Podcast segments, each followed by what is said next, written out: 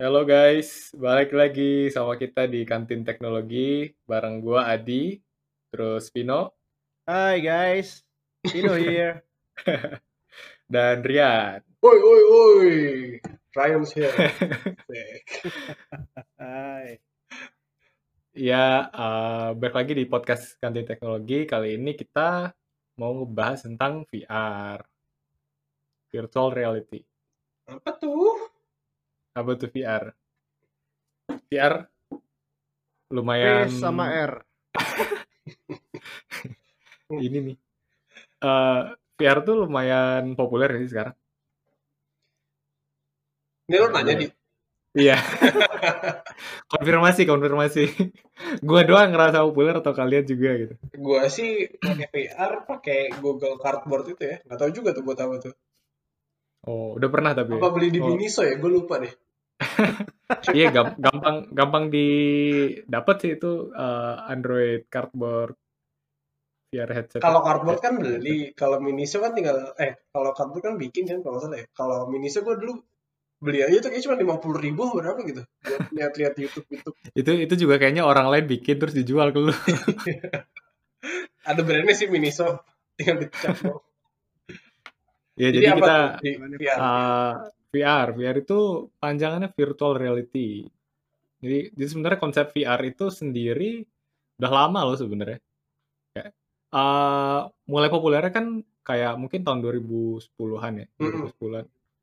Eh, dengan adanya Oculus, terus tiba-tiba Oculus dibeli Facebook. Tapi jauh sebelum itu sebenarnya eh, konsep eh, VR headset itu eh, udah ada dari zaman 1930-an di Wah, di seriusan loh. seriusan. Gila. Itu tetap zaman COVID pertama ya? Enggak ya? Apaan? Maksud lu dari abad yang lalu udah ada? oh my god. Oh my Iya, abad yang, abad, abad yang lalu itu ya. Damn. Gila. 1930-an di di ini di masa uh, futurisme populer gitu. Futurisme itu maksudnya uh, apa ya? Jadi di masa itu mereka ngebayangin uh, Masa depan gadget-gadget masa depan tuh kayak gimana? Kayak di zaman-zamannya fly- ada konsep flying car, wireless Hmm. phone yang tadi orang-orang Hmm. sangat asing sama itu. Oke. Termasuk si VR. Tapi VR belum ya? Belum kejadian banget. Tapi si uh, produk VR pertama itu ini ini debatable sih. Tapi uh, tapi historically banyak yang agree kalau VR uh, produk VR pertama itu uh, dibikin sama orang yang nama Morton Haley. Uh, nama nama produknya itu Sensorama di tahun 1957. Kayak Jadi familiar itu- ya sensor rame ya. Jadi itu eh, Sensorama itu adalah device yang mirip kayak eh, sebenarnya TV tabung cuma ditutupin aja di kepala manusianya. Jadi jadi kita nggak bisa ngelihat apa-apa selain layarnya gitu. Jadi kayak Oh. eh, konsep virtual reality yang sangat terbatas gitu lah. Kayak TV lu tutupin pakai kain di atasnya ya mirip kayak gitu lah. Oh. Jadi- Jadi buat, buat nonton gitu. Jadi buat maksud lo video. bedanya antara virtual reality waktu itu sama Dengan TV reality. biasa itu cuma lo bisa nonton TV dari jarak jauh dengan TV biasa tapi begitu lo rubah mau virtual reality lo cuma cukup maju ke depan terus lo tutupin pakai karung gitu sambil Tapi kan nonton. sekarang ya kayak Oculus, HTC, PSVR itu sebenarnya kayak gitu kan. Layar lu taruh tepat di depan mata lu, terus pakai headset. Tapi zaman kunci- segitu kunci pembedanya cuma apa Ya, immersive detail, gitu. detailnya gue nggak tahu sih kayak gimana, tapi eh dia kayak gitu, mirip mirip kayak eh em, dia nyebutnya si Morton Heilig ini nyebut Sensorama itu sebuah kabinet multimedia device. Oh, kabinet tapi TV. tapi zaman segitu udah ada TV belum sih? Udah udah. Oh, udah. ya udah deh udah tepi ya. Terus term virtual reality-nya sendiri itu dibikin populer oleh ada perusahaan namanya VPL. VPL ya VPL Virtual Programming Language Oh, oke. panjangannya. VPL. Hmm. De- Ya pendirinya tuh kayak mantan pekerja mantan Mantan pekerja pilot. mantan pekerja di Atari. Atari itu uh, Oh, game software itu company, kan. Jepang. game game. Yang Bukan, bikin Atari kan bukan Jepang, Vin. Atari Iya, Amerika. Maksudnya Atari uh, luas gitu. Namanya Atari itu yang bikin Jaren. game game Ding Dong itu kan? Kayak Ding salah Dong satunya Arcade, game arcade. Nah, Hmm, game game arcade. itu Space Invader. yang bagus banget itu. game game yang terkenal dimasuk di, dibuang ke ini ke Yang bikin Tempat game jadi sampah. berkembang sangat cepat. OT. Ya, di para uh, graduate Atari ini namanya Jaron Lanier sama Thomas G. Zimmerman maybe nge-found VPL Research. Hmm. Mhm. Nah, produk mereka itu lebih dari Sensorama. Pastinya dong. Iya. Kasihan juga 30 tahun nggak ada progres. Eh, produk mereka itu yang terkenal kayak full eh, full body VR suit gitu. Kayak di di kepala ada HMD-nya head mounted display gitu. Terus Oke. pasang headset, terus eh, di badan ada sensor buat eh Ngelitikin gitu. gyro gyro gitu. Nah, kayak early version of eh, motion capture gitu lah Jadi pakai baju si, bodinya. Iya pakai baju. Eh, enggak, maksud satu produk, produk produknya banyak sih. Pasti pakai baju sih, cuman maksud gue Maksudnya ya pakai suite itu buat uh, Oh, iya, experience, fully experience si produk mereka gitu. Nggak Oh, pakai baju terus- bisa, cuma yang untuk yang itu waktu itu masih pakai baju Yan. Oke, oke, Kebetulan. oke. Iya iya iya. Terus oke, uh, terus flash forward now ya kita ada punya banyak banyak jenis VR headset kan kayak ada Oculus, ada HTC Vive, PlayStation VR. Terus kalau di mobile ada si Google Cardboard tadi, Hmm. terus ada AR, MR glasses juga gitu. Apaan tuh? MR. MRI. AR. Jadi eh ER ada emergency. su- ada subkategori. Apa banyak kata-kata baru yang baru gua eh, Ada subkategori dari eh, virtual reality yaitu AR dan MR atau AR dan MR. Oke, oke. eh yang kalau kalau menurut gue pribadi kayaknya dua-duanya sebenarnya interchangeable. Yang satu itu augmented reality, satunya lagi itu mixed reality. Dan semuanya eh, dua-duanya ini sebenarnya intinya eh, ngegabungin experience eh, di dunia nyata dengan experience virtual gitu. Nge-layer gitulah kayak misalnya kita lo pernah lihat nggak sih kayak ah, iklan di Kayak- kayak ini Facebook atau kan. Instagram atau Kayak Pokemon Go kan.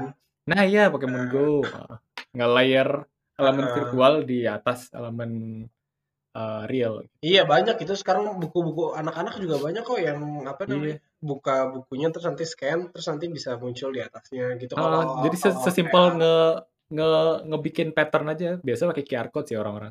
Heeh. Jadi kameranya scan QR code-nya terus ngebaca database, ngeluarin model, ngeplay animasi. Iya, muncullah kayak apa namanya binatang-binatang Pikachu lah atau jerapah kayak gitu-gitu baru muncul. Bahkan di di beberapa handphone sekarang di Google Chrome, Google Search-nya Google Chrome tuh bisa nge Display nampilin ya display AR kayak kita nyari nama binatang apa gitu terus ada ada opsi nanti buat nampilin Oh, eh, 3D model 3D modelnya. binatangnya di atas eh, flat surface gitu Eh, di atas permukaan yang rata kayak meja Oke. atau lantai gitu. oke, seru tuh kayaknya buat anak-anak. Jadi jadi seakan-akan benda atau makhluk tersebut ada di di depan dia gitu ya. Di dunia Iya. kita. Iya. Mm-mm. Wow iya Nggak tahu Iya, dunia, kayak tapi gitu. di dunia gue sih maksud gue iya ada kayak gitu. apa Digimon Dunia digital. digital digital monster Digimon. Eh, wibu lu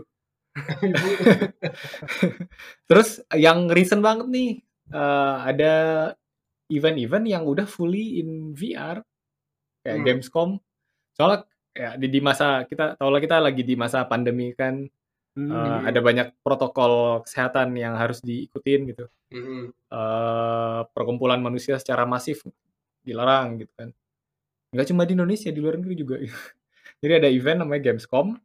Oke. Nah itu uh, booth-booth dari uh, eksibitornya bisa dikunjungi via kayak lo buka buka website terus keliling Tapi Oh. sebenarnya itu kayak ya ya virtual aja gitu. Tapi berasa virtual reality-nya soalnya di di masing-masing booth itu emang ada, eee, si eksibitornya ready gitu. Mmm. Eee, dari jarak jauh. Kalau kalau gue sih kemarin apa namanya, kalau gue kemarin waktu yang lagi zaman-zamannya lockdown itu di Google ada ini, ada kayak berbagai macam museum gitu, mereka, Oh, iya eee, iya. apa, terbuka untuk publik. Tapi karena gue nggak bawa si siapa, si Miniso VR headset itu, ya jadi kayak Google Street View aja gitu. Nggak tahu deh gue, kayaknya beberapa ini deh, apa namanya, eee, ada Ya available ini VR. three three 360 view gitu kan. Jadi Iya, gerakin si Iya. apa, bisa kayak semacam ngontrol kameranya gitu ya. Heeh, gitu aja Mmm. sih. Cuman ya, apa namanya, gue rasa kayaknya banyak deh kalau apalagi yang nggak live ya. Kalau yang di Indonesia kan gue taunya ada yang VR run VR-an itu ada. Entar kita coba lihat. VR-an. VR-an apaan Oh, tuh? eee, ini ya ma maraton VR. Oh, gue juga nggak nggak ngikutin sih itu. Hmm. Tapi denger, gue denger. Oh, Jadi kayak lari-larian gitu? maksud lo run apa? Run lagu artis. Akan kulakukan. Run for your life, bro. Iya, jadi kayak di Mandalika tuh apa namanya kayak ada ada acara triathlon gitu. Terus eh, judulnya sih virtual reality run sih. Tuh langsung ada yang googling kan tuh, ketik. Iya, heeh.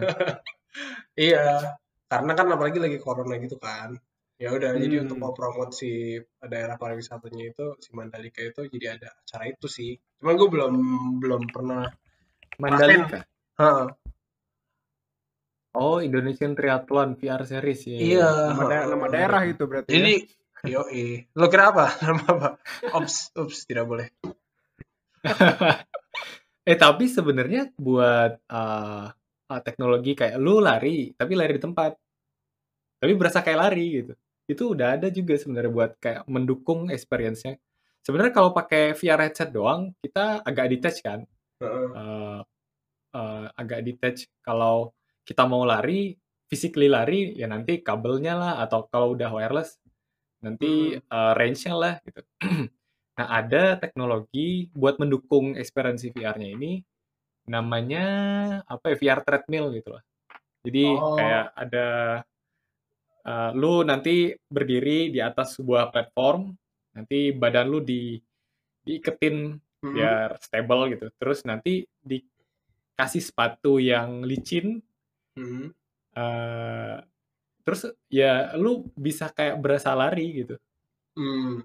Tapi Jadi Tapi gabungan namanya fitness gitu, fitness sama heeh. teknologi VR gitu ya? tapi tapi ribet juga ya.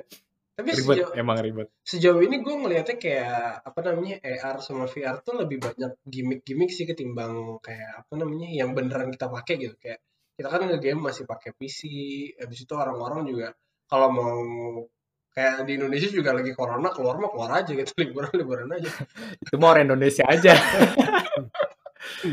Nggak mau dibilangin. tapi sebenarnya maksudnya yang apa namanya fitur game changingnya si VR ini apa sih kalau di tataran global gitu Mmm, salah satunya ini kali ya, eee, untuk kegiatan-kegiatan yang berbahaya Mhm. atau yang, eee, costly lah kalau lu ngelakuin kesalahan di dunia nyata gitu. Itu, Oke. eee, bisa eee, VR itu bisa jadi opsi yang cost efektif dan lebih safe gitu. Contohnya itu buat, eee, nge-pilot sebuah, eee, pesawat gitu misal. Mhm. Nah kalau itu kan Atau heeh, gimana gimana? kayak flight simulator gitu ya? Asik. Iya. Sebenarnya kayak, eee, angkatan udara tiap negara tuh pasti Punya ada kan? nge-kontrak heeh, ada punya punya software punya software, punya set Heeh. yang yang nggak cuma software sih harusnya ya, satu set sama kayak ada kokpitnya, terus ada layarnya. Heeh, sambil goyang-goyang gitu kan kayak di Iya. apa namanya? Di Dufan. Jadi Ya itu kan mereka udah pakai? VR kan sebenarnya kayak kalau di dilihat-lihat di di kayak angkatan udara gitu udah pakai VR kan. Sama kayak yang Heeh. yang kalau apa uji SIM itu juga ada kan yang kemarin ada korupsi-korupsi itu? Iya. Eee, uji ini, uji, eee, berkendara Tes gitu. heeh, tes SIM itu Tes eh ada juga sih? Enggak ya? Itu bukan bukan VR ya? itu in a way bisa dibilang VR sih sebenarnya. Experience-nya uh, nyatu sama si sama sama si actionnya dia kan. Hmm. Oke. Okay. Jadi maksudnya jadi basically uh, training-training buat buat hal-hal yang salah satunya buat sesuatu yang berbahaya dan biar uh, ya kita bisa ngesimulasiin si experience-nya. Uh -huh. uh, either itu buat latihan atau ngetes gitu. Uh, dengan save dengan uh, lebih cost efektif gitu. Meskipun ada diskrepansi experience pasti beda kan. Iya, yeah, iya, yeah, Tetap aja nggak nggak bisa nge-trade belum bisa nge-trade off real life experience gitu. Gue sempat baca juga sih tuh kayaknya ada di Australia apa di mana gitu kayak dokter-dokter apa namanya uh, surgery yang operasi apa ortopedi gitu mereka kayak pakai surgeon simulator. Pakai surgeon simulator. Nggak coba itu mereka apa namanya mereka uh, sebelum operasi mereka latihan di situ dulu baru habis itu operasi. Nah tuh katanya kayak uh, jadi operasinya lebih cepat apa sama kayaknya lebih cepat deh yang waktu itu di yeah, sama sama kalau surgeon yang udah yang ngelibatin laser itu butuh presisi banget kan? Tangannya uh, megang joystick gitu kan? Iya yeah kalau gemeter hmm. udah tremor gitu udah iya bahaya nyawa taruhannya. Iya emang, buat itu. ya eh, kayak kemarin masih ada kan di sini gue kira udah ketahuan parah. Masih dari gue dengerin kan coba ini sebenarnya kan konsep yang sangat-sangat apa sophisticated kan. Agak-agak rumit dan canggih gitu. Jadi gue coba dengerin apa biar kayak gimana sih. Okay, tapi okay. kayak sih kalau ngelihat surgeon gitu apa dokter bedah yang harus bedah langsung tapi kebetulan karena corona ada travel apa ban gitu kan travel kan misalnya ya. dan di suatu negara ada butuh yang surgeon yang benar-benar istilahnya misalnya berpengalaman gitu hmm. tapi hmm. dia nggak nggak bisa travel ke situ mungkin mungkin bisa di apa kayak tadi lu bilang mungkin dia langsung bisa pakai alat VR itu buat operasi kan apalagi nah. kayak minggu lalu tuh gue sempet ngobrol juga sama teman-teman gue tentang 5G uh, dan follow at kantin teknologi. Nah udah ada 5G yang kecepatan tinggi dan tanpa delay. Jadi bener-bener dia dokter itu udah imersif bisa langsung ngerasain kanan kiri depan belakang uh, posisi dan tanpa delay berarti benar-benar bisa langsung operasi. Karena kalau kalau ada delay lu lu yakin kan? Pasti yang kepotong salah lah ada yeah, secara, ada yang secara teori potong bener kan? secara teori ideal ideal possible cuma eh, kan tetap ada tunggu deh tapi itu gitu sih. itu termasuk VR nggak sih di? Kayak di kantor gue juga uh, aduh nggak menyebut remote remote operation uh, gitu ya? Kayak jadi kita punya kayak namanya uh, smart glass gitu. Jadi mm-hmm. uh, kan banyak banyak banget tuh pabrik-pabrik di mm-hmm. negara-negara beda-beda. Tapi kan ada ada regional expert centernya gitu Nah, hmm. jadi eh, di site-site itu ada smart glass, tapi eh, apa namanya si siapa namanya si expertnya ya udah dari dari laptop aja sebenarnya. Nah, si orang yang di operator di lapangan yang pakai smart glass itu sih gitu. Jadi kita basically cuma ngelihat aja gitu. kayak dari dari Jadi kita kayak kayak pilot ya Yan ya. Uh, uh, ngepilotin orang ya. tapi kita nggak, gue nggak ngendalin dia sih, kita cuma kanan kanan. Oh iya iya. ya ada istilah autopilot juga sih, bisa masuk. Uh, masuk. Lebih kayak tukang parkir sih kayaknya. Lebih tukang parkir ketimbang pilot. kiri kiri kiri bang, kiri ya itu. Stop stop stop eh eh. Nabrak. itu masuk ke AR MR kali ya tapi tapi kan tapi ya, tapi kalau ya. kalau cuma kalau cuma video call doang ya iya ya, for the sake of categorizing mungkin bisa dimasukin gitu. Tapi jadi bat batasnya apa dong? either either masuk atau enggak yang penting berguna. Tapi kan nggak ada 3D asset atau nggak ada apa namanya nggak ada gambar-gambar yang dibuat di nggak ada overlay sama sekali gitu di, di iya basically kan sebenarnya kalau yang kayak tadi Kevin bilang itu misalnya surgeon gitu sebenarnya kan hmm. remote remote operation aja kan sebenarnya. Iya. Hmm. Jadi nggak tahu ya kalau menurut gue sih itu kalau kalau nggak kalau nggak ada assist nggak ada assist uh, di dari dari softwarenya kayaknya nggak bisa kita kategorikan sebagai VR sih gue setuju ya. Hmm. Hmm -hmm. Tuh. Ya, Lebih tapi, ke remote uh, remote cuma, operation aja gitu. Cuma remote control jarak jauh gitu ya. Tapi tapi sebenarnya gue kurang suka sih kalau kita nge terbatas di ke ngatego ngategorin sesuatu gitu. Eh ini masuk nggak? Eh ini masuk nggak? Iya iya iya. Gue gue lebih senang kalau kita ngebahas ini berguna nggak, ini berguna nggak. Tapi masalahnya kan apa namanya waktu kita ngomongin ini kita jadi mesti tahu gitu kayak oh ini VR. Oh iya iya iya. Hmm. Karena kan beda kan kalau misalnya kita bilang eh eh eh, bikin VR itu eh, murah loh gitu. Terus ternyata hasilnya cuma kayak remote operation yang kayak tadi gue bilang gitu. Padahal iya. kalau misalnya mau bikin VR aslinya atau AR aslinya, kita mesti produksi apa namanya eh, si 3D asetnya itu kan. si virtual virtualnya harus ada gitu. Heeh, dan itu yang Iya. mahal dan time consuming kan buat buat apa namanya dibuat gitu.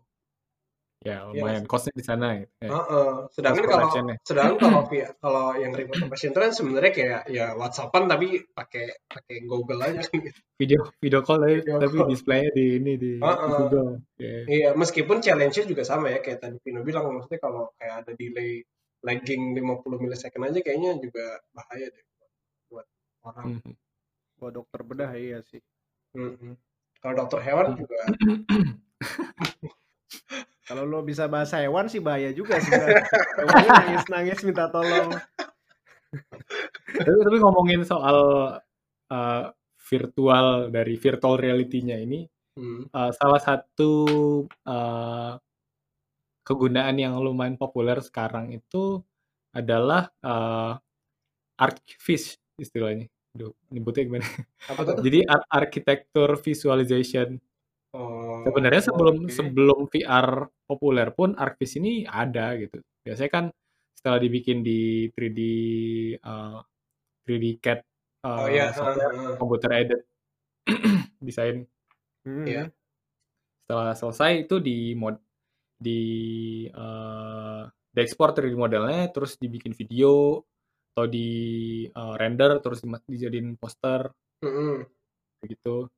Nah kalau sekarang eh, salah satu cara buat promote si eh, eh, produk-produk arsitek yang berhubungan sama arsitektur gitu bangunan gitu dengan ngerilis eh, ini virtual reality experience-nya gitu. Hmm, iya. Kayak misalnya ada apartemen mau nge-showcase nanti eh, isi dalam si apartemen kayak gimana, bentuknya kayak gimana gitu. Iya. Hmm, jadi bukan tinggal untuk rilis. ngerasain dunia utopia gitu ya. Kayak kita, kayak kita pengen masuk ke dunianya Pixar gitu lah ya.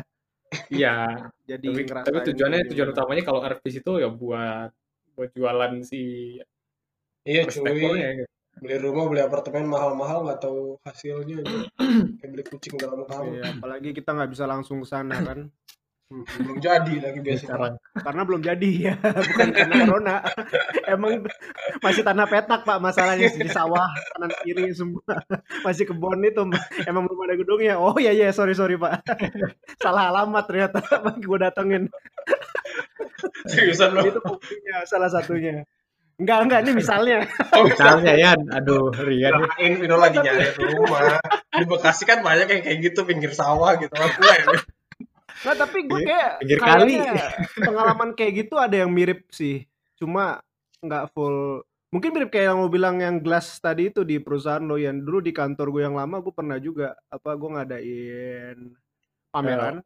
WhatsApp Hmm. call. Enggak. Nah, salah satu bahan promosinya itu dia juga disponsorin sama suatu brand HP depannya S belakangnya G. Oke. Oh, Dibacanya serong, Samsung. serong. Oh, oke. Samsung, Samsung. Oh, Sungsang. nah, jadi gua di jadi gua waktu itu koordinatornya eh, dari bisnis apa Yo, eh, mesin gas gitu. Nah, gue pakai gue dikasih pinjem HP waktu itu kayak Galaxy S7 atau 8 gitu plus yang namanya gue lupa deh eh, Sungsang View atau apa gitu. Nah itu dia proprietary gitu bisa disambung cuma ke HP Samsung ah kesebut deh. Tadi udah sebut juga. ah. udah gue sebut ya. Ya itu cuma bisa beberapa HP doang eh, flagshipnya mereka. Nah tujuannya itu kenapa dipinjemin ke kita kita karena kita punya eh, format buat HP itu. Format itu kayak video 3D atau apa? Video 3D deh kalau saya ingat gua. Video Cuma 360 berarti biasanya kayak gitu. kayaknya 360 deh buat zaman itu tuh 2015 ya. Nah itu Hmm. cuma buat nunjukin eh, mesin yang kita jual gimana cara buatnya, eee, gimana pas mesinnya bekerja. Jadi benar-benar kayak ya tadi lu bilang apa, Oh, mungkin mirip Kayak kayak ya? arsitektur visualization tapi arsitektur sebuah mesin gitu, apa sih bentuk mesinnya aja. Oh, Hmm, Jadi buat dia promote buat produknya ya? promote aja. Wow. Jadi gua tahu, oh ini ini sebenarnya kayak mesin mobil ada silindernya, cuma dia bentuknya lebih gede, silindernya nggak 4 kayak mobil 4 cuma Oh, 4, ini ada 20 gitu. Jadi oke. orang bisa tahu, oh iya iya. Cuma nggak bisa megang eh, masalahnya waktu itu. Jadi kayak ya kurang imersif lah. Tapi Hmm. kayaknya sih itu udah kayak udah termasuk virtual Iya, reality Iya, iya, Ya, iya. ya. Itu Karena iya. itu realitas yang kita rasain di situ, kita jadi tahu apa kayak batasan besar kecilnya apa sih namanya realita Iya. eh, konsep 3D-nya gitu lah. Hmm. Jadi lumayan sih Ya kayaknya keren sih itu. keren Maksudnya keren. di Waktu zaman gua 2015 ya kan. Nah, maksud gua hmm, eh, gua nggak tahu ya. Maksudnya kalau sekarang kan kata orang-orang kan masih masih masih mahal gitu bikin VR iya. Tapi kalau misalnya bisa murah dan cepat itu kayak bisa bikin Kalau sekarang agak udah gitu sih. production cost-nya udah lebih turun sih sebenarnya. Hmm. Kecuali kalau lu uh, 3D assetnya itu custom ya emang uh, ya cost bikin 3D assetnya yang gede gitu. Cuma bu- buat ngemasukin konten 3D, uh, konten 2D ke dalam uh, vir- virtual reality environment atau Mhm. AR environment tuh cost-nya kecil banget kayak uh, software yang dibutuhkan ya tinggal pilih game engine yang lu mau Mhm. atau mau mau buat Android eh, ya Android Android Studio kalau mau buat Hmm, hmm. khusus buat iOS ya eh, Swift eh, si apa itu Dari proprietary code-nya si si Apple ya itulah Apa Oh, tuh? eh, arcade ya? sekarang sih? Eh, arcade ya? Apa sih? Bukan. ya ARKit tapi ARKit juga sebenarnya sekarang udah udah bisa dipakai di eh, Unity Engine sama Unreal Engine ini dua dua 3D eh, 3D Aset. interaktif engine sebenarnya. Jadi tebak-tebakan. mereka sih marketnya market utamanya buat game developer. Hmm? Cuma Heeh. yang make nggak cuma game development doang kalau sekarang. Kayak orang-orang aktivis itu ya berarti eh, developer yang bikin konten buat vis- visualisasi virtual arsitektur gitu. Hmm. Atau eh eh, filmmaker Hmm. butuh virtualisasi CGI. visualisasi virtual si si eh, film yang mau mereka produce gitu. Itu mereka bisa pakai si game engine tadi yang udah punya library VR, AR Oke. Tinggal development. make gitu itu ya. tinggal tinggal make. Learning curve-nya yang nggak lebih susah daripada eh, ya belajar ngoding biasa gitu. Oh, Hmm. artinya implementasinya udah ada gitu ya apa? Udah disediain ya, tinggal jadi VR ya bukan nggak nggak sejauh itu di depan mata kita ya, benar-benar Hmm. ada di samping kita malah lo pakai Ya, sehari-hari. Coba, coba cek samping ya Kayaknya sih nyamuk doang deh, nyamuk. cost buat bu- mulai belajar dan buat mulai bikin tuh kayak sekarang rendah banget. Oke. Kalau Paling lu, coba buka Instagram kayak hmm, eh eh gue buka Instagram contoh sekarang itu. aja experience gue Paling kantin teknologi gue like doang. anjay oke like and subscribe Anjay, anjing ayam. Wah, eh anjir Eh, boleh kan? Kan nama ini, nama hewan gimana sih? nama iya iya, boleh ya itu eh, kayak gue gue gue sendiri sering follow ini kan eh, kayak Anime. artis itu maksudnya Oh, kalau di Indonesia artis. seniman Hmm, Iya, hmm. iya. seniman seniman 2D 3D gitu Ya, ya, gue yang tahu. bahkan mereka backgroundnya itu bukan developer eh terus tahu-tahu ngerilis konten eh, AR oh ini Sendiri. lihat nih gue masukin iya sendiri aja nggak nggak ngekontrak sih nggak nggak nge-hire orang atau gimana gimana menurut gue Nah, keren sih itu kayak orang yang nggak sebenarnya nggak ada background programming tapi bisa gitu karena eh, bahan buat belajarnya ya asal lu punya internet udah bisa harusnya gitu hmm. punya internet dan punya kemauan anjay eh anjir Nggak mau juga sih anjay. anjay Iya. Tapi tapi nah itu sih maksud gue apalagi kalau kayak orang sekarang gampang buat bikinnya itu eh, apa ya? Benar-benar enabling eh, designer habis itu apa namanya? Eh, engineer buat buat bikin prototipe yang murah dan akurat gitu. Kayak apa namanya? Misalnya gue mau bikin kayak tadi si Vino mau bikin eh, jet engine gitu. Itu itu udah level banyak ya. Pasti pasti mereka udah pakai lah kayak gitu. Apa namanya VR AR buat nge apa namanya? buat nge-develop habis itu Visualize itunya. promosiin terus juga apa namanya eh, nyari investasi dan macam-macam tapi on a smaller level juga kayak kita mau misalnya mau bikin apa namanya mau bikin eh, meja lah furnitur lah apa-apa semua itu kan juga kayak bisa dipromosiin kan jadinya orang-orang juga kayak apalagi sekarang kalau misalnya furnitur udah kelihatan ya kayak IKEA gitu kan udah udah punya Udah kan, ada ada apps-nya yang kayak Ah, ah, kayak ini muat gak sih di di rumah gua gitu kayak dia udah bisa bisa setup semuanya gitu tinggal Nah, pilih tinggal pilih si furniturnya terus buka Heeh. kamera terus naruh ngedrag ngedrag gitu di di Iya. layar. Iya. Dan- diproyeksikan ke rumah kita gitu ya. Iya, ke Hmm. real world space gitu. Hmm, kalau ini maksudnya ngomongin uh, AR ya, augmented reality. Dan maksudnya ya itu juga bisa di extend ke macam-macam kayak misalnya lu sekarang mau bikin mau beli mau beli baju lah, mau beli sepatu, mau beli jam tangan gitu kan kayak jadi jadi bisa kita bisa fit and proper test loh bukan ya. Maksudnya Fit proper. kita bisa Jadi coba coba Ah, ah. visualize dulu di, di Iya. Tangan gitu ya. Ah, ini kayak oh cocok. Mau mau beli gigi emas gitu kan. Oh, gigi Foto kaca emas. gitu. Gila. Rapper sih, nih.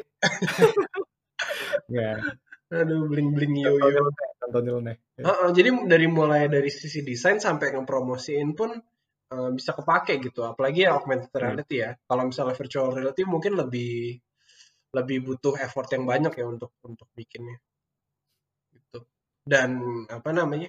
eh, kalau virtual reality mungkin lebih kayak ke game, habis itu Game sih, training, habis itu Game mungkin training, mungkin Netflix mungkin 10 tahun lagi isinya virtual reality semua kayaknya. mungkin ya, mungkin. Gak tahu sih kalau kalau misalnya mereka bisa nge-solve isu kalau lu nonton Mm-mm. eh, experience lu nonton di virtual reality sama lu nonton dengan layar depan lu bedanya apa gitu. Nah, Itu kayak sekarang nggak nggak nggak begitu jauh beda jadi kayak kalau nonton doang nggak nggak perlu nggak perlu oh, gitu. karena nonton ya, oke. Iya, kecuali kalau eh, ada interak ada interactivity di di experience-nya gitu. Baru biasanya kan ya kayak kita nge-swipe tangan kiri kanan langsung ganti atau Tapi lu berdua pernah main gak kayak yang benar-benar VR game yang full gitu? ya pernah lah. Seriusan, gua gak pernah soalnya. Lu Nggak, belum kan- pernah, kantor- Yan? belum belum pernah gua Ya main VR yang ampun. game Jadi, beneran. Ceri- ceritain Ben Yang- gimana maksudnya- pengalaman lu main ini game game Agate dulu. Oh iya game game perusahaan loh itu. Nggak maksud gua Iya. kayak yang game-game yang beneran ya, bukan yang kayak cuman apa namanya tuh yang bukan running-running apa sih? Lupa. Ya kayak gitu lah, maksudnya yang beneran Temple VR. Run. Iya, yang bukan yang bukan Temple Run. Ini le- laser laser beat apa ya? Hmm. Waktu itu judul, gue gue lupa judulnya eh, apa nih? Eh, gamenya. Hah? Game Agate judulnya apa ya? udah Eh, lama juga tuh ya. pasien terakhir, pasien terakhir. Pasien terakhir. Terakhir ya. Itu kayak Oh. Oke. kayak ini sih tag demo Iya. eh, dari Game horror. kantor gua buat ini buat VR. Oke. Jadi emang gue suka game horror dan kebetulan gue lagi di pameran game waktu itu. Gue disuruh coba gamenya Agate. Jadi Seriusan lo. Iya, Dipaksa iya. ya? Ada- Dipaksa ada ya sama orang. Lu dipaksa kan sama Adi kan? Iya biar Iya. rame, biar ada konten. Terus terus. Ya di situ yang gue rasain sih eh, apa selain gue lebih takut daripada biasanya ya Emang lu takutan bukan ya? emang emang penakut Terus. itu ya lo ngerasain benar-benar di situ karena eh, apa kan itu kita pakai VR itu namanya VR headset berarti ya dulu sih HMD, alatnya? head mounted display. Nah, itu bukan Vive atau apa gitu ya itu benar-benar sih? oh oke oke HTC itu itu ya dia tektok antara audio sama videonya benar-benar pas gitu sih. Itu namanya apa ya bahasa teknisnya? Apaan? Jadi Audio kan visual kalau feedback-nya. di media-media horor gitu kan yang bikin nakutin kan sebenarnya suaranya Kaget. kan Heeh. Iya, iya. Heeh. dan bikin kaget gitu. Kalau lu nonton video eh, film horor di bioskop kalau lu tutup kuping kayaknya nggak bakal ketakutan kan. Nah, ini ya, an- antisipasinya soalnya biasanya. Antisipasi Sesuatu yang nggak bisa kita lihat gitu. Mm-mm. Nah ini lo di situ bisa ngelihat apa emosi yang mau dituangin pembuat gamenya ke kita gitu. Karena perubahan antara apa eh, warna-warna di gamenya sama suaraannya itu bisa digambarin banget ke gambar gitu lah jadi ya lumayan kerasa lah buat waktu itu. Jadi gua kaget Dan dan lu lu nggak ngelihat apa pun selain yang ada di dalam game ya kan. Oh, itu- Benar, itu, bikin sebenarnya Terus sih. strength strengthnya VR tuh di sana sih sebenarnya.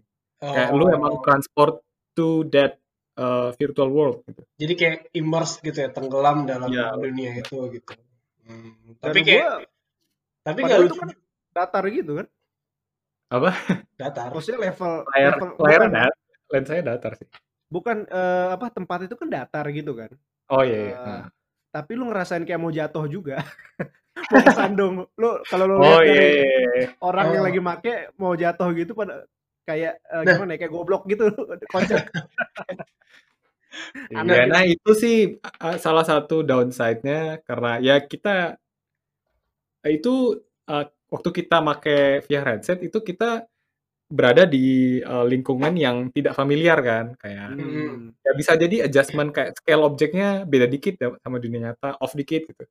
Jaraknya gitu. Jarak lu ke lantai gitu. Eh kok gue tinggi banget sekarang? Eh gue pendek banget sekarang gitu nah itu salah satu downside-nya VR ya bikin nausea gitu apa sih bikin Bikin mabok ya katanya. mabok ya mabok cyber Yo, sekarang ada udah bukan mabok laut lagi ya, bukan mabok mabuk online mabok. iya Iya take sih, some time to adjust gitu kalau kayak gitu iya gue juga denger sih itu maksud gue, gue kebanyakan denger denger dong ya, nggak pernah ngerasain sendiri ya. Cuman harus coba ya harus coba ya, aduh, lu dulu yang nyoba, ntar gue baru. Nah katanya apa namanya emang kayak kalau nge-lag habis itu kayak bedanya antara dunia nyata waktu yang kita rasain sama yang kita lihat tuh jadi bikin kayak pusing gitu sih katanya Iya. makanya orang-orang pada itu salah satu yang bikin orang males lah gitu pada namanya, Mm-mm. pada nggak pakai gitu maksudnya lagi lagi happy happy gitu kan misalnya lagi di game happy happy terus tiba-tiba banyak nyamuk dikit nyamuk gitu kan jadi kayak nggak nggak tenggelam dalam dunianya gitu maksud gue kayak kurang immerse lah gitu nah gue nggak tahu sih maksudnya ke depannya kan pengennya kalau benar-benar immerse kan nggak cuma visual ya nggak cuma visual nggak cuma audio tapi juga kayak entah itu bau lah tactile habis feeling itu, bau angin itu iya. apa kalau bahasa kerennya kayak haptic effect gitu ya kayak kalau kita pegang berada kayak pegang. kayak ini kali ya lu, lu udah pernah nonton ini belum? Ready Player One? Oh udah udah udah. Nah, itu Oh, salah iya, satu keren tuh keren keren keren. VR VR suite yang menurut gue ini kayak possible nih kalau kita bikin. kita ayo bikin. show bikin. Let's go. Maksudnya kita as humanity nggak gue lu juga. Oh. Eh, bi- nggak tahu gue bikin sih bisa cuman jadinya gimana gitu. Yang di Iya. Ready Player One itu juga kan dia sebenarnya ngikutin konsepnya si siapa tadi yang lo bilang awal-awal bikin perusahaan VR itu dia yang dia berhubungan sama Atari kan oh ini VPL VPL research IPL kan dia pakai helm Full yang body apa suit. kacamata iya VR habis itu pakai full body suit kan kayak gitu kan di iya oh One iya Heeh, Iya. pakai baju jadi ya. dia coba ngebayangin game online yang benar-benar imersif gitu kan di situ Hmm. ya ya gitu doang gue cuma bilang itu Iya. Oke oke oke. Jadi kayak di dalam bajunya itu kayak ada ada kipas-kipas kayak angin gitu kalau ada angin gitu. ada Bisa- bisa ngasih feedback ada na- nano nano mesin yang gerak-gerak kalau disentuh gitu. Ah, kayak gitu kayak hektik gitu. Tapi ribet juga ya kayak kalau mau masuk kalau mau main harus kayak Iya. pasang dulu. Cu- cuma buat hiburan gitu kayak Kecuali mungkin nanti bisa buat yang macam-macam ya buat kantor gitu juga kali. Oke oke keren keren. itu masih VR ya ada tapi satu nih yang belum kita sentuh nih apa tuh Uh, kayak si eh apa sih experience yang ditawarkan sama VR gitu. Ini tadi gue sempet buat soal ini kan soal soal uh, film. Oke. Hmm. heeh. Nah di 2019 tuh ada dua eh, 2009 terus 2020 ya? Kayak uh, 2020 di. Besok uh, pasti ya, 2020 juga. gua ngomongin tentang Lion King. Lion King kayaknya 2019 ya. Oh, Sama oke. Lion King yang uh, remake Ya, full ya. CGI itu. Iya, anggaplah Sama 2019. sama Mandalorian. Itu Heeh. dua dua uh, entertainment movie production yang uh, yang satu movie yang satu series yang memanfaatkan VR Ini teknologi. visualisasi tadi yang lo bilang itu ya. Ya, uh, kalau yang ini si kebetulan nih dua-duanya contohnya beda yang dipakai dan penggunaannya juga beda. Yang si Lion King mereka pakai VR itu buat uh, buat ngatur sinematografi sama uh, kayak nge nge go through storyboardnya di dalam dunia virtual gitu. Jadi kayak ada ada kamera yang si director atau kamera gayanya Hmm. bisa gerak-gerakin di dunia nyata. Hmm. Terus nanti di layar kayak di display ya yang ngelihat bisa disambungin ke VR headset juga sih. Tapi gue ngeliat di video kayak mereka nonton Oke. bareng gitu. Si si render 3D-nya itu in real time kelihatan. Oh ini uh, kamera angle-nya kayak gini nanti enaknya. Terus si karakternya di sini sini gitu. Terus ini kayaknya background-nya perlu ditambah gini nih deh. Oke. Kayak Jadi buat jadi kayak hmm, mereka bikin kayak dunia lain gitu di dalam sebuah apa namanya? Pokoknya di mungkin di dome atau di mana gitu di studio mereka. uh, Terus mereka kayak syuting biasa aja gitu ya. Kayak yep, kayak gerakin kameranya tuh ya oh, kayak lu oke. uh, ngubah-ngubah angle instead of biasanya kalau kalau 3D 3D movie software yang eh 3D movie production yang biasa ya mereka ngerakin kameranya biasanya ya pakai mouse gitu Oke. digerakin rotate gitu kan eh.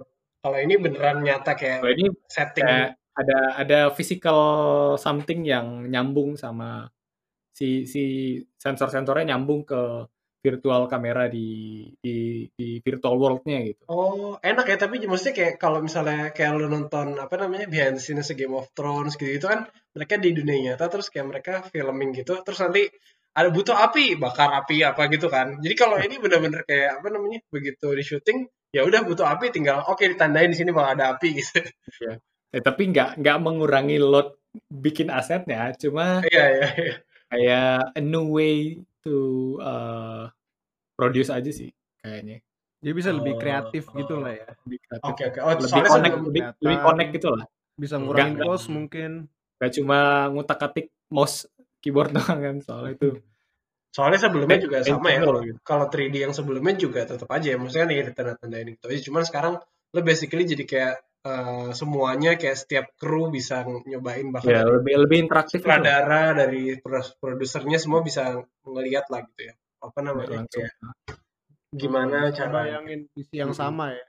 Buat Kalau- capai kalau sebelumnya kan tersebut. mungkin cuman kayak si video makernya atau si editornya doang kan Editornya yang paling ya. Heeh. yang ngelihat Ngutak-atik Heeh. kalau ini jadi yang udah dibikin gitu. Terus Oke. iterasinya mungkin lebih lama lagi gitu. Heeh, heeh. Kalau kalau kalau pakai VR kan ya langsung aja eh ini kayaknya perlu digeser dikit. Ya udah Hmm. geser sih. Terus Oke. ini view field of view-nya lebar dikit ya udah tinggal dipencet-pencet lebar. Terus kalau kalau di Indonesia basically berarti udah banyak juga ya eh, perusahaan yang yang bisa develop VR ini kan tadi kan perusahaan lu juga udah bisa di berarti. Iya banyak sih yang punya capability ini kayak gue bilang tadi ke eh, batas bawah lu bisa dibilang sebagai kayak lu bisa Low nge-produce barrier lah, low barrier. konten VR AR itu eh, rendah banget barriernya emang. Ah. Hmm, oke. Jadi maksud gue eh, kayak orang bisa belajar sendiri atau mungkin kayak ada nggak sih perusahaan-perusahaan selain perusahaan lo gitu siapa tau nggak mau masuk perusahaan lo gitu. Ada lagi nggak yang yang kira-kira maksud gue kalau lo kan game game company gitu kalau yang industri lain industri lain paling apa gitu Heeh, ya heeh, ada nggak sih? contoh. Eh, ada sih ini ada ada dua yang notable menurut gua. Oke. Ini bukan sponsor guys. Yang satu itu Shinta VR namanya. Shinta Satu lagi kayak kayak warteg Shinta di di Di Kutek. Kutek. diversifikasi industrinya hebat juga Sinta itu. yang satu jualan warteg yang satu develop VR ya Hebat juga Cinta Pinter ini game juga sih, tapi kayak kayak kalau company di tempat gue kerja sekarang Agate itu nggak cuma ngerjain VR AR, Mm-mm. itu bagian dari portfolio uh, capability si company-nya, tapi Hmm, fokus sama company-nya bikin game gitu kan. Kadang-kadang bisa bikin game as a service. Oke. Kadang-kadang bikin VR juga tempe. gitu. gitu Kalau kalau ini Cinta VR ini emang mereka fokusnya di VR AR gitu, oke produk-produk VR AR dan ya ada game juga mereka. Jadi maksudnya kayak kalau kalau kayak perusahaan mau minta apa gitu dia jadi bisa gitu ya. hmm, Maksudnya fokusnya klien gitu. kliennya kayak eh, banyak Pertamina, Magnum, Kayak arsitek-arsitek yang tadi lu bilang itu juga berarti kan hmm, atau Sam- Sumsang, Samsung. Telkomsel. Oke. Ya, mereka fokusnya di VR teknologi gitu lah, general VR teknologi. Satu lagi ada namanya Octagon Studio. Octagon Studio itu mereka bikin mereka fokusnya di AR, Mm-mm. AR, MR. Eh produk mereka tuh mereka fokusnya di ini di di VR buat learning. Hmm, Oh, oke oke buat training-training. Itu hmm. penting banget sih, apalagi kayak di elektro gitu kan Buat kayak buat ini sih bu- bukan bukan bukan buat training sih ya. Bu- Buat learning, buat buat anak kecil, buat anak sekolah, education sih Oh, oke oke. produk utama mereka. Kayak gitu. Jadi lumayan lumayan banyak. Soalnya kayak gue apa namanya melihat kan ini kan tadi kayak lu bilang dari 1930 udah hampir 100 tahun cuy. Udah mulai adanya idenya sampai Iya, ini. kan. Cuma dan dan lu bayangin aja orang-orang yang tadi bikin apa namanya eh, sensorama gitu-gitu jadi ujungnya apa gitu maksudnya banyak yang udah banyak yang udah yang kolaps juga kan Eh, ya, banyak korban lah dari dari industri ya, VR ini ya, sebenarnya yang kita dengar cuma sukses doang. iya eh, gitu Ya inovasi kan butuh martir juga Yan. Anjir. Anjir. gila keras keras kita cuma ya. kita, kita komentatornya aja ya Padahal Iya. nggak ngapa-ngapain juga kita penikmat, konsumen. Aduh, cuman anjir nih jelek banget sih lu bikinnya gitu Iya, Aduh, at yang least at least ada orang-orang kayak lo yang nginget jasa-jasa mereka kan gitu. oh Dan sekarang masuk di Instagramnya @kantinteknologi. Anjir banyak banyak banget segue kantin teknologi. Iyalah ini. Makanya follow guys, biar kita nggak perlu promosi habis-habisan lo. Aduh. Ya itu tadi dua yang notable menurut gua. Ada Nah, banyak yang lain. kalau buat learning training gitu, gue denger-denger sih yang dulu dulu tuh ini eh, setengah-setengah ya antara buat education sama gaming itu si Microsoft. Dia kan eh, salah satu alasan dia beli apa namanya Minecraft, Mhm, perusahaan gamingnya punyanya Minecraft dulu Mojang ya, mhm. dengan harga yang Jam. fantastik buat Mahjong zaman itu. Gue lupa berapa, berapa juta dolar. Itu Mhm. karena dia eh, ngelihat potensi eh, apa Minecraft potensinya buat Minecraft edukasi. buat education kan, edukasi, pembelajaran. Karena dia mau implementasiin eh, produk namanya kalau nggak salah HoloLens ya, itu mixed reality-nya mereka buat Mhm. ngajarin anak-anak yang namanya 3D model, terus eh, kita kan sebenarnya dari kecil kan perlu belajar kayak apa eh, konsep-konsep PUBG bentuk Fisika, Emang lu kayak kimia gitu. PUBG Mobile dari kecil ya. Nah, ya jadi buat tahu eh kubus tuh seperti apa sih bedanya sama apa silinder tuh apa. Oh, Kan di oke oke Minecraft di situ kelihatan kan selain mereka bisa tahu bentuknya gimana, mereka bisa bikin sendiri kreasi mereka dan itu dari HoloLens tuh di- bisa digabung sih jadi Hmm. antara Iya, pro promonya kayak dulu ya ngasih waktu mau promosi. launch kayak demoin uh, main Minecraft di atas meja gitu ya. Mhm. AR ya Jadi nggak nggak harus Iya, duduk iya. di depan komputer doang, tapi lu bisa berdiri sambil jalan. Terus si balok-balok voxel Minecraft-nya interact sama Hmm, meja kalau digeser jatuh gitu ya. oke Iya, tapi kayak tapi gitu emang emang gue banyak, banyak banget sih denger berita kayak Facebook kan waktu itu Facebook eh, hire Oculus ya dan banyak banget startup yang di eh, hire lagi iya diakuisisi sama eh, big giant giant company kayak Apple lah Tech Facebook company Google gitu. Hmm. Heeh. dan maksudnya kayak emang seolah-olah emang ini kayak the future gitu mulai dari apa eh, Apple Glass lah terus itu tadi eh, HoloLens dan macam-macam gitu jadi nggak cuma Hmm. di maksudnya education industry, industry aja tuh udah gede banget kan apalagi Yep. belum lagi tourism habis itu tadi entertainment banyak banget sih Hmm. kayaknya emang ini emang apa namanya eh, promising banget gitu dan apalagi kalau misalnya lagi di di masa pandemi ini. Ya apa maksudnya kayak eh, emang emang gampang kayak gampang ya orang tuh be- eh, nge-trajectory itu cuman ngeprediksi itu linear gitu. Karena kayak sekarang pandemi ya mungkin bakal terus-terusan tapi kan banyak banget eh, apa namanya eh, alternatifnya makanya sejak tahun 1930 sampai sekarang belum kejadian kejadian nih gitu. Salah satu faktornya mungkin kayak 5G terus internet eh, connectivity habis itu kayak eh, headnya tuh bakal lebih murah atau enggak kayak gitu-gitunya tuh eh, defi- deciding factor Iya. Eh, bisa nggak sih ini jadi mass eh, diproduksi massal dan dikonsumsi massal gitu terutama di Indonesia sih gitu Hmm, hmm, hmm, Eh, hmm. jadi kayak masih banyak challenge sebenarnya meskipun eh, it's promising gitu apalagi dengan interest dari perusahaan-perusahaan gede gitu kan nih. hmm. Tadi eh, Masih, tadi masih ada jadi ada barang ada barang tersier banget sih sekarang ini. Barang apa ya accessibility-nya masih Tersier. dikit ya. Eh, Tersier. kalau sekarang masih tersier banget kan Heeh. Ya butuh processing power yang tinggi juga kan. Maksudnya mau bikin 3D gitu aja ngerendernya berat apalagi nampilinnya gitu kan tadi Iya nampilin headset. itu itu intinya kalau kalau teknologi si VR headset tuh basically lu ngerender dua kamera barengan terus ditaruh dengan jarak sekian sehingga kayak masing-masing mata lu ngeparalaxing si objeknya seakan-akan Ya, punya gitu kan. koordinasinya harus pas gitu ya eh, Dan si mata. ininya frame rate-nya minimum nem- 90 Hertz. Hz.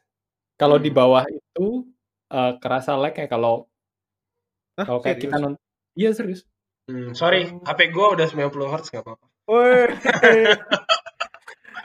Apa apa tuh?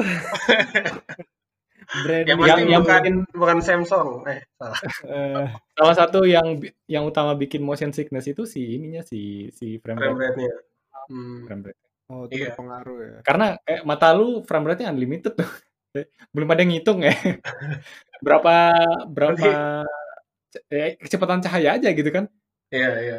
Nggak tahu sih gue mata juga apakah bisa ada sampling rate-nya atau enggak gitu. ya kecepatan cahaya kan Nah, Iya, refresh rate-nya berapa? Bener sih. refresh rate kecepatan cahaya jadi itu Iya, sebenarnya digital, maksudnya iya. challenge, maksudnya tantangan-tantangan eh, startup atau bahkan early adopter yang make aja sih konsumennya pun juga tantangan kan.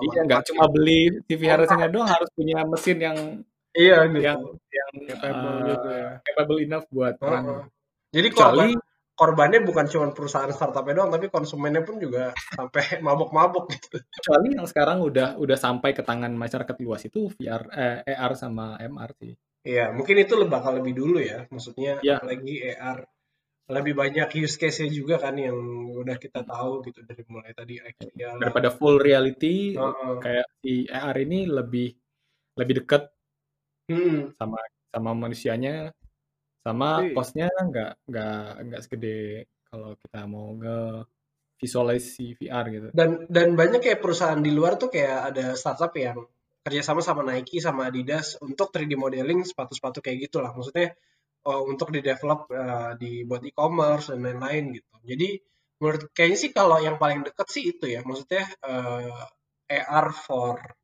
eh, consumer. Eh, super good Iya. Digital marketing gitu ya.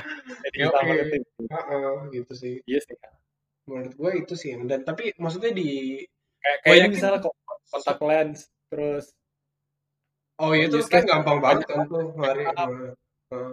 baju eh. Iya, menurut gue sih itu uh, sooner sih. Maksudnya bakal lebih cepat datang sih. Maksudnya apalagi kan sekarang Lazada udah di backup sama Alibaba, Shopee juga Tencent, Tokopedia juga udah gede-gede. Maksudnya gue yakin itu less mungkin kurang dari tiga tahun harusnya udah udah banyak sih itu uh, bakal kita rasain ya. ayo kita tunggu tiga tahun lagi nanti tempeleng pelarian kalau salah gue yakin. gitu. Cuman kadang-kadang idenya ngomongin ngomongin AR tadi itu ini ini termasuk AR nggak sih kalau kayak ada video gitu di YouTube Terus ada muka eh, public figure misalnya Mm-mm. eh Obama misalnya, Obama. Heeh. Nah, itu dia lagi ngomong tapi eh dia dia video lain cuma muka sama mulutnya itu bukan yang sebenarnya dia omongin gitu. Itu termasuk AR nggak sih? Wah, ada. Oh, ada, ada istilahnya sih deep, deep fake, deep fake. Deepfake, itu yang mau gue buat-. Itu Oh, termasuk Ya, mungkin- sih? Oh, wah itu Kayak- Kayaknya bukan deh. Tapi nanti Bukan. nanti kita bahas di video lain kali ya. Eh, Di Oh, dia, video. dia, dia merubah Di- realitas Di episode lain, episode lain. di depan itu. kan. Soal soalnya itu uh, buat live agak susah banget sekarang. Kalau kalau offline render itu juga kayak butuh berhari-hari buat AI-nya nge ngelatih ya gitu ya. sistemnya ngelatih ngelatih ngelatih sistemnya buat nge-display uh, muka orang tertentu di berbagai angle. Oke oke, itu kayaknya udah udah Itu topik bukan lain. foto beda ya. sih. Jadi Iya. itu harus ya. harus kita sebelum, menarik. sebelum kita kehabisan obrolan kita simpan aja buat berikutnya itu. Iya. Oke. Oke. Jadi nggak ada puncaknya, nggak ada datarnya, nggak ada lebahnya. Itulah podcast kita. Iya tadi ya, closing dari lu sih Yan yang tadi tuh soal di Indonesia kayaknya kalau buat VR eh, buat eh, mass market kayak masih jauh gitu. Mm-mm. Dunia juga mungkin Eh, mungkin eh, untuk edge case kayak penggunaan-penggunaan buat eh, training yang berkaitan sama safety dan cost cost cutting tadi gitu misalnya atau buat eh, promosi gitu ya Hmm. mungkin bakalan berguna di sana cuma buat ke end user ke Hmm. daily daily activity si masyarakat eh belum yang udah itu si AR Hmm. Oke. Kita tunggu perusahaannya Adi. ah, dekat gue gak punya perusahaan bro Oh iya. belum belum ya gitulah kayak Pokemon Go ntar lagi mau kemarin ada announcement ini game game eh, favorit gue si Witcher Oh, oh franchise ya. Witcher ada AR juga kayak Hmm. Pokemon Go tapi eh, battling Versi- monster gitu Versi Hmm. monsternya Witcher. Jadi- Oke. Jadi udah banyak banget ini yang upcoming upcoming kayak buat yang gamer-gamer mungkin bakal banyak game-game yang bakal sebagai dalam bentuk VR dalam lima tahun ke depan mungkin. Jadi jangan lupa Sekarang pakai juga PS5 banyak. gitu. Tapi kayaknya ya itu itu sih maksud gue apa namanya sekarang udah banyak banget eh, dan kita kalau kita mungkin nunggu aja ya gitu. Kalau Iya, gua iya. Vino sama Adi kita nunggu aja, kita komen-komen aja buat lo semua Semoga lo berins- terinspirasi untuk apa namanya untuk mencoba mempelajarin em, mungkin juga buka usaha eh, karena ya yang pasti yang pertama kali masuk tuh yang punya inilah punya gain duluan lah gitu punya keunggulan punya Heeh. advantage Yoi. privilege first mover advantage lah gitu oke Yoi. tapi jangan sampai kalian link- jadi link- jangan jadi mungkin martir-martir martir dan nanti mungkin link-link yang kita mention dimasukin ke deskripsi podcast di Oke, iya. Kita kita bakal coba mungkin masang Google Docs atau apa gitu ya buat apa namanya masukin uh, source-source yang kita ini. Jadi bisa dibuktikan kalau kita emang ngomongnya ngasal gitu. Tapi jangan lupa uh, follow kita di Kantin Instagram Teknologi Instagram, teknologi di di Spotify, juga Spotify dan di Apple Podcast juga ada, di Google Podcast juga Yoi. ada. Tapi we are everywhere oke, sip sip itu aja Udah dari sih. kita. Sih. Sampai ketemu di episode berikutnya. Ciao. bye bye Peace and out. Thank you.